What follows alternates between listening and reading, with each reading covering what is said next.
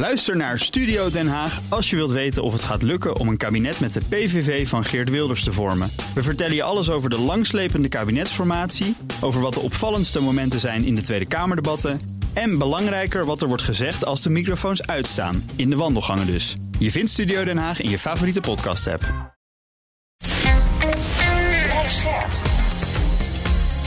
BNR Nieuwsradio. Boekenstein en de Wijk. Paul van Liemt. Welkom bij Boekenstein en de Wijk. Het is vrijdag, dag 471 van de oorlog in Oekraïne. En heren, voordat we beginnen, jullie staan in het theater. Vanavond in het Oude Luxor in Rotterdam over technologie, artificial intelligence met Ben van den Burg. Mooie avond.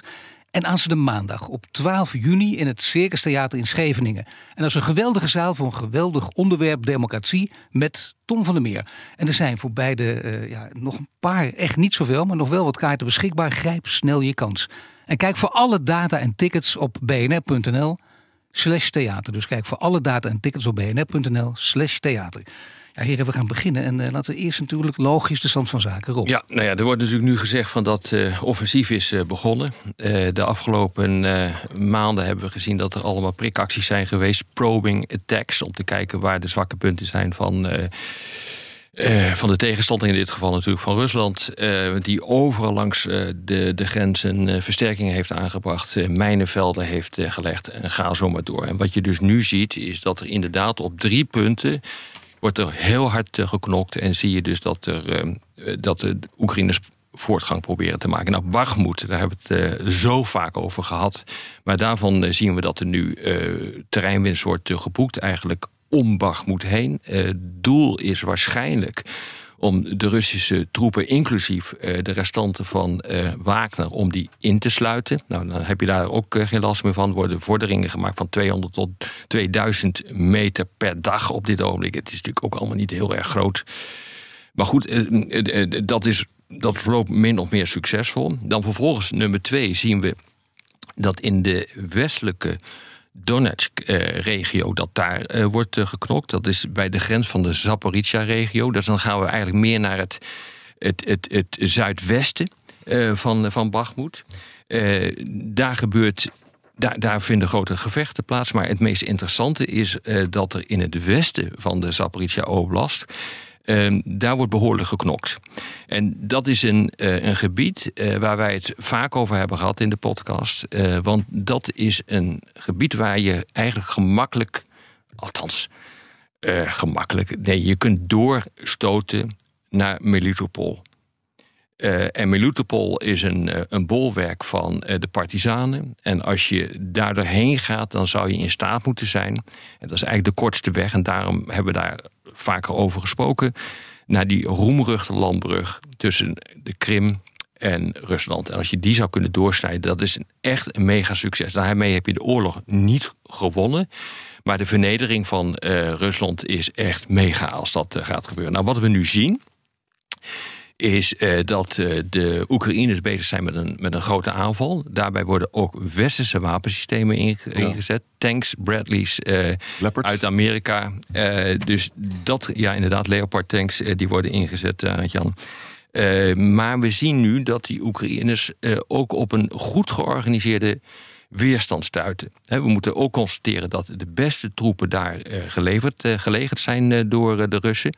En wat het meest opmerkelijke is, is dat er niet sprake is van chaos uit, aan de Russische zijde. We hebben heel vaak geconstateerd dat er vaak chaos is, maar nu niet. En nu zie je dat ze volgens de doctrine de verdediging inrichten. Dus wat doen ze? de Oekraïners komen eraan. Je vertraagt, je laat ze stuk lopen op mijnenvelden, je, je versterkingen. Uiteindelijk komen ze door die eerste linie heen. Eh, dan ga je je terugtrekken naar de tweede linie, dat is gebeurd. En vervolgens zet je reserves in om uh, de, uh, de Oekraïners weer terug te duwen. Nou, dat schijnt nu op dit ogenblik aan de hand te zijn. Dus uh, dat is wel belangrijk, omdat er geen sprake is van chaos. men volgt de doctrine En dit is een normale procedure, zeg maar, eh, tijdens zo'n offensief en, het, en een tegenoffensief. Hoe verklaar je dit? Dat dit kan, dat ze nu wel die doctrine volgen, dat er geen chaos is? Omdat eh, ze hun beste troepen hier hebben ingezet op dit ogenblik. En eh, op andere punten hè, is het totale chaos. Eh, we hebben dat bijvoorbeeld eh, gezien nou, bij de eh Zaporizhia-dam, wat daar de dam in, hoe noemen we dat, in Dieppe, die, die getroffen is. En vervolgens zien we in het zuiden daarvan eigenlijk één grote chaos. Ze weten niet goed hoe ze daarop moeten reageren. We hebben dat ook gezien veel meer, veel meer naar het oosten, eh, naar, eh, in de buurt van eh, Kharkiv, waar een ammoniakpijpleiding is doorboord. Ook chaos. En we zien ook ongecoördineerde operaties elders gebeuren langs de grens. Maar dit is echt gewoon goed gecoördineerd. Maar met hun, hun, beste, pardon, hun beste troepen, dan zeg je ja. wat zijn hun beste troepen? Hoe groot zijn die? Want dat is maar een klein deel. Ja. Kunnen ze af en toe inzetten. Nou ja, we weten gewoon niet hoe, hoe groot hun beste troepen zijn. We weten alleen dat er ongeveer 300.000 eh, eh, militairen langs die hele grens zijn gestationeerd. Ja. En we weten ook niet wat er nu gaat gebeuren met betrekking tot de troepen die in het eh, zuiden liggen eh, langs de, eh, de Dniepro. Misschien worden die ook gedeeltelijk eh, naar het eh, andere delen van het front eh, gedirigeerd. Dat zou heel goed mogelijk zijn. Russen zetten dus de beste troepen hierin. Eh, de Oekraïners hebben een tactische winst. Dat wil zeggen dat kan dus tijdelijk zijn. Maar ook behoorlijke verliezen. Sustained losses. En het kan zomaar zijn dat dat morgen of overmorgen... dat het met Oekraïne beter gaat. Hè? Dat weten we gewoon niet. Maar wat we wel weten is dat de Russen zich hier eh, maanden op hebben kunnen voorbereiden. Ja, het aardige is dat er nu ook redelijk consistente berichtgeving komt vanuit Moskou zelf hierover. En dat, dat eh, normaal gesproken is het allemaal ook tamelijk chaotisch, maar dat is nu ook niet het eh, geval. Dus dit is ook redelijk goed te controleren aan de hand van satellietbeelden, heb ik eh, begrepen. Ja, Ja, en ze kunnen dit dus inderdaad niet overal doen. Want op alle gebieden is dit gewoon je zeg maar, het beste Russische team. Op alle disciplines. Dat lijkt zo te zijn. En wat ze ook doen, eh, is ze zetten middelen in voor elektronische oorlogsvoering.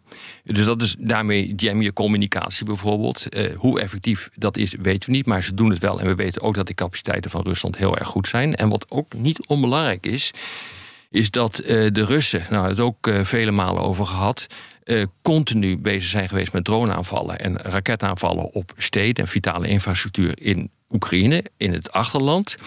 Dat heeft ertoe geleid dat de luchtverdedigingssystemen eh, elders in het land zijn ingezet en nu onvoldoende kunnen worden ingezet voor zover we het nu eh, zien eh, aan het front. En dat is een groot voordeel voor de Russen. En tegelijkertijd, om gelijk maar de alle ellende te behandelen. Hè? Terwijl er dus, we gaan even naar die dam nu. Hè? Terwijl er dus eh, eh, evacuaties plaatsvinden, met name dus aan de Oekraïnse kant, want de Russen doen er niet veel aan. Hebben dus de Russische, eh, het bes- het bestaan, om het zo maar eens te zeggen, om gewoon zeven golven van aanvallen te doen. Waarbij dus gewoon mensen omkomen. Die, die, Ja, die beschietingen die gewoon doorgaan. Dat is Ja. echt waanzinnig. Dat is ook goed in beeld gebracht. Dat is duidelijk waarneembaar. Het zijn oorlogsmisdaden zijn dit. Hè? En toen, toen de, de Russen die dit hiertoe besloten hebben, toen God ze in elkaar zitten, dan was er een moreel kompas is hier even vergeten. Hè? Twee mensen omgekomen, 17 anderen zijn gewond, maar waarschijnlijk zal dat nog oplopen. Het is echt vreselijk. Moet je je voorstellen, je bent dus met, met, evacuatie bezig. Je zit op een, een centraal plein in de, de regionale hoofdstad, weet je wel. Honderden mensen staan daar en dan komen de hupsidee die Russische aanvallen erover. Maar realiseer je dat de Oekraïne ook op dit ogenblik met lange afstandssystemen, langere afstandssystemen, eh, schiet op Russen aan de andere kant van de rivier. Ja. Dus eh, ja, Rusland doet dit. Eh, maar tegelijkertijd zien we dat de gevechten ook over en weer Dat is ook waar. eh, ehm, ja, gewoon vo- voortgang vinden. Maar, eh, maar als je het, grote woord gebruikt, en dat moet, eh, denk ik ook, die, dat woord oorlogsmisdaden, dan geldt het alleen in dit geval voor de Russen. Of vind je dat je dat ook. Ja, dat kan ik niet beoordelen, want ik weet niet precies hoe die gevechten eh, verlopen. En eh, kijk, een oorlogsmisdaad is een oorlogsmisdaad als je de non-combatanten, dus de, eh, de burgers, eh, beschiet. En als je dat doelbewust doet. Ik kan dat niet beoordelen of, eh, eh, of dat op dit ogenblik ook gebeurt door Oekraïners. Ik denk het niet. Maar het kan natuurlijk wel zijn, dat is een ander fenomeen, dat heet collaterale schade. eh, dat het ongewenste nevenschade is. Dat je dus door die beschittingen ook burgers eh, raakt. Kijk, als je naar Bakhmut kijkt, dan was het helder. Iedereen die in de stad eh, bleef, ja, weet je, die, die, die kon sneuvelen. Ja, betekent overigens wel, het is ook een, een ecocide, las ik ook wel ergens, hè, een juridische eh, term. Maar ook, die zou je ook als oorlogsmisdaad op hetzelfde niveau neer kunnen zetten. De Nou ja, grootste dat milieuramp ter eh, wereld. Het hangt er dus vanaf eh, waar, waar, hoe het komt dat die dam is bezweken. Als dat door een ongelukkige samenloop van omstandigheden is, dan vermoedelijk niet. Maar die kans is niet zo groot dat dat het geval is. En bedenk ook de lange termijn effecten van die dam. Je hebt dus geen irrigatie voor het graan wat daar. eh, Nee, geen voedselvoorziening, ja, dus- dat is... En dat, dat heeft dus ook weer mondiale eh, implicaties. Nou ja, het gaat in dit geval niet in de eerste plaats om graan. Maar het- hier wordt 80% van de groente en fruit wordt geteeld door middel van het irrigatiesysteem van dat gekoppeld is aan het stuwmeer. En dat heeft enorme implicaties voor, eh, voor Oekraïne. En daarmee met de graan. eh, exporten die nog steeds op een laag pitje staan. Ze kunnen nog steeds niet exporteren wat ze zouden moeten exporteren. Wat ze zouden kunnen exporteren. Ja, raak je echt Oekraïne in het hart. En, en, en dus de implicaties hiervan, zo, voor zover ik het nu kan inschatten, zijn vooral eh, op het eh, voedselgebied. eh, sloopt Oekraïne gewoon. Ja. Sloopt goed, inderdaad, in, in dubbele gevallen. Dus je- het komt bovenop, dat is het verhaal natuurlijk. Graan en die voedselvoorziening Ja, wordt afgesloten. Ja. En dat is keihard inderdaad. Het duurt vijf jaar voordat je die dam hebt hersteld. Ja. Ja, en dan duurt het ook nog vijf Ja. tot tien jaar voordat je het grond weer kunt eh, gebruiken. Dus dit, dit, dit is een totaal dramatisch effect. Wat is er overigens eh, waar en, en logisch en goed van de vergelijking uit de Tweede Wereldoorlog met de Engelsen, die ook gewoon in Duitsland eh, die dammen hebben neergehaald en zeiden dat moesten we ook doen en dat is zeker geen oorlogsmisdaad, dat kon niet anders. Dat is een heel belangrijke stap die we genomen hebben. Ik, ik ken geen enkele expert die zegt dat hier een militair doel mee is ge- gediend. Dus het antwoord is, eh, als dat in de Tweede Wereldoorlog, misschien weet jij dat, eh, de details Arend Jan, ik niet. Eh, ik weet dat dat gebeurd is tijdens het, in de Tweede Wereldoorlog, dat men ook hele speciale tactieken daarvoor heeft ontwikkeld om die bommen op de juiste plekken te krijgen. Ja. Maar in dit geval er, dient dit gewoon niet echt een militair doel. Ja, in 1941 hebben de Russen dus in het begin van de Eerste Wereldoorlog... om de Duitsers tegen te houden, ook bij de Dnieper de zaak eh, doorgestoken. Ja. Met vreselijke gevoel. Maar jongens, dit soort dingen gebeuren in een oorlog. Ja. Ik bedoel, eh, je kon van tevoren kon je voorspellen dat er onvoorspelbare dingen zouden gaan, gaan gebeuren. Dit is eigenlijk al voorspeld vanaf april vorig jaar. Ja. Toen de eerste eh, explosieven zouden zijn aangelegd. Allemaal nog weten of dat waar is. Ja, dus, ehm, In de ja, speech van Zelensky genoemd in oktober ja, ja, al. Hè? nou, ook de- in oktober heeft hij het herhaald. Klopt. Ja, weet je, ja, dit, dit soort dingen gebeuren. En trouwens, Nederland heeft de Hollandse waterlinie. Hè? Daar hebben we de Fransen mee tegengehouden in 16 Ja, maar dit is geen Hollands water. dat is even- nee, dat Dit is echt iets totaal iets anders. Nee, Ja. Dit is echt die vergelijking even niet maken. Ja. Dan eh, gaan we ook naar Belgorod natuurlijk, want dat is ook nogal belangrijk wat daar allemaal gebeurt. En, Ja. en wat daar de, de gevolgen van zijn. Nou, we zien dus dat er nu ook zelfs steden verlaten zijn. Hè? Ja. En dat is wel, wel bijzonder. Eh Shebikino, mijn uitspraak is niet al te goed. 45.000 inwoners, die mensen zijn in belangrijke mate vertrokken. De- dan, dan praat dus over de andere grens, helemaal in het oosten van Oekraïne, vlak over de grens. Ja, je ziet dus gewoon dat, eh, ja, dat de Russen hun leven daar niet meer veilig zijn. Mensen gaan op de loop. Eh Prigozhin, eh, die, die baat dit uit. Ja. De, de baas van de Wagnergroep. Die zegt van, ja, het is toch een schande. Poetin kan niet eens zijn eigen eh, bevolking eh, beschermen. Dat is inderdaad ook precies het signaal wat je hiermee wil afgeven. En Prigozhin zegt, en die, die is voortdurend aan het stoken in die top. En die zegt, ik ga dat wel regelen. Mijn troepen gaan er naartoe en wij zorgen ervoor dat Russen worden eh, eh, beschermd. Waardoor Prigozhin weer in staat is om zijn eigen positie ten opzichte van het Kremlin te, te versterken. Ja, het is gewoon vreselijk wat hier gebeurt. Ja. Misschien moeten we ook even gaan naar Engeland. En eh eh, Sunak is op bezoek bij eh, Biden. Hè? Nou, wat je moet zeggen is... Sunak wil natuurlijk in die post-Brexit-wereld... waar hij ontzettend veel prestigeverlies heeft Engeland gedaan... Hè, wil hij nu laten zien dat Engeland nog steeds een betrouwbaar land is... dat Oekraïne blijft steunen... en dat de special relationship kan worden aangekleed... en hij staat er met de grote Biden. Nou, wat is erin voor, voor Biden zelf? Ja, Biden die zegt nu van... nou, ik, eh, ik, ik moet in september weer naar het congres toe... maar dat geld ga ik wel krijgen. Nou, daar ben ik niet zeker van dat het gaat gebeuren. Want ik zie in de Republikeinse Partij de meest idiote dingen gebeuren. Ik zie ook het percentage stijgt van, van eh, Republikeinen... die het eigenlijk helemaal niet willen. Dat er, dat er nog veel meer eh, hulp naartoe gaat. Hè? Dus het is ook een beetje een soort bijeenkomst... van dat ze alle twee elkaar moed uh, zitten in te Nou, dat verhaal bij de Republikeinen sowieso in Amerika gaat natuurlijk wel groter worden nu. Het is toch het verhaal van het gemakzuchtige verhaal. Het is ver weg en het kost ons veel geld. Ja. Het is mooi geweest. En we hebben dus die idiote. Uh, kijk, de Republikeinse partij gaat van keirechts naar kletterrechts, zei iemand op de radio. Dat is ook hartstikke waar. Het zijn allemaal merkwaardige mensen. En dat komt omdat uh, Trump dus meedoet. Moet je dus jezelf ook in een soort Trump-mantel moet je kleden. En dan moet je zeggen: ik ben, ik ben hetzelfde als Trump, maar dan zonder het gedoe. Hè?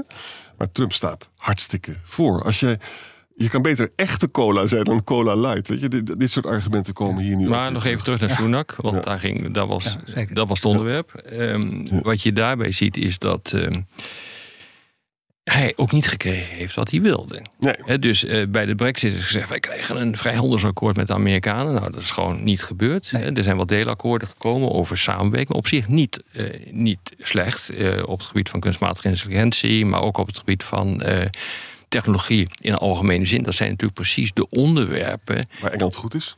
Ja, kunstmatige intelligentie lopen ze denk ik in Europa wel redelijk voor. Technologisch zijn ze ook uh, behoorlijk goed. Niet zo goed als, uh, als Duitsland of zelfs Zwitserland, maar ze gaan best goed.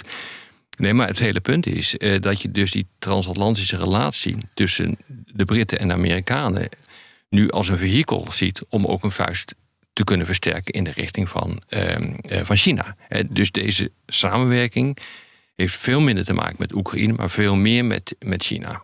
Exact. En nog even het eerste punt erop is heel belangrijk. Hè? Ja. De Brexiteers zeiden, we gaan het allemaal doen... en we worden er rijk van en we worden een soort Singapore aan de zee. Hè? En wij krijgen een fantastisch handelsverdrag met Amerika. Dat is er dus nog steeds niet. En het valt mij op dat er nog steeds mensen in Nederland zijn die die Brexit steunen. Terwijl er wel overwhelming En hij krijgt hem ook niet. Nee, krijgt hem dus, ook niet. Uh, hij krijgt hem ook niet. En je ziet nu dat hij een hele serie kleine deelverdragen heeft gesloten op economische onderwerpen. Op zich prima. Ik heb die verklaring zitten lezen. Kan je gewoon naar de, zien op de op de website van uh, het Witte Huis. Daar kun je gewoon downloaden. 16 pagina's heb ik uh, gezien. Er staat eigenlijk niet zoveel in, nee. eerlijk gezegd. Er staat niks in. ik, had, ik had een Twitter-exchange met mevrouw Rookmaker van Forum vroeger, weet je wel. En die had als argument, nee, Brexit is, is geweldig, je moet niet zeuren, Arendtjan. En ik heb ook allemaal uh, familie en, en vrienden in, in, Engeland die zeggen dat het ook allemaal geweldig gaat. Die mevrouw is nog in voor een rough ride, kan ik je vertellen. Het is helemaal niet dat het goed gaat daar. Nee, het is helemaal niet dat het goed gaat. Dat betekent ook dat, dat dan kun je ook hier iets vooruit gaan kijken. Dat wil je ook weten. Want dat, dat voelt Sunak natuurlijk ook aan. Die wil niet de zoveelste zijn die na korte tijd weer moet opstappen. Weer nieuwe verkiezingen in, in Groot-Brittannië. Weer een nieuwe premier. Dat kan niet. Wat voor move kan hij dan nog maken? Nou ja, dingen, het is je ook wel mee bezig hoor. Weet je, met dat uh, protocol in Ierland, dat het allemaal soepeler gaat. Maar het feit blijft gewoon dat de, de Britten hebben geen directe toegang tot de gemeenschappelijke markt. Dat is toch dat is het stomste wat je kan doen. Dat die grote zonde, die beginfout, die kan je dus eigenlijk alleen maar corrigeren op termijn als uh, Starmer uh, minister-president wordt. En dan, dan proberen toch maar weer eens een uh, lid te worden van de gemeenschappelijke markt. Maar wat hij dus nu wel kennelijk voor elkaar heeft gekregen, is een technologieafspraak. waarin hij ook zeg maar, gebruik kan maken met Britse bedrijven van die IRA, die ja. Inflation Reduction Act. waar die enorme subsidies in zitten voor groene technologie. Dus op ja. dat moment wordt samengewerkt.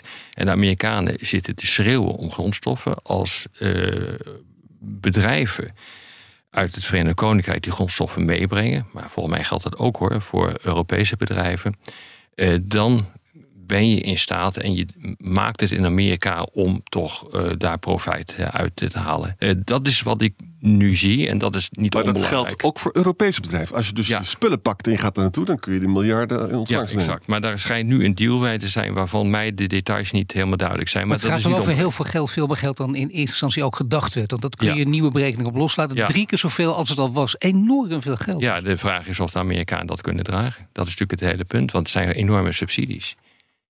Nee, kijk even naar de schuldenlast daar. Maar dat is uh, op dat een of andere manier. Ja, ja, dat, is, een van de grote problemen die er speelt, volgens mij ook met de schuldenlast. Goed, heren, mag ik jullie bedanken. Dit was Boeken in de Wijk en dat was de Oekraïne-update op dag 471. Heren, hartelijk dank. Ook Harm Edens vind je in de BNR-app. Je kunt BNR Duurzaam niet alleen live luisteren in de app, maar ook terugluisteren als podcast, zoals al onze podcasts. En naast dat de BNR-app Breaking News meldt, houden we je ook op de hoogte van het laatste zakelijke nieuws. Download nu de gratis BNR-app en blijf scherp.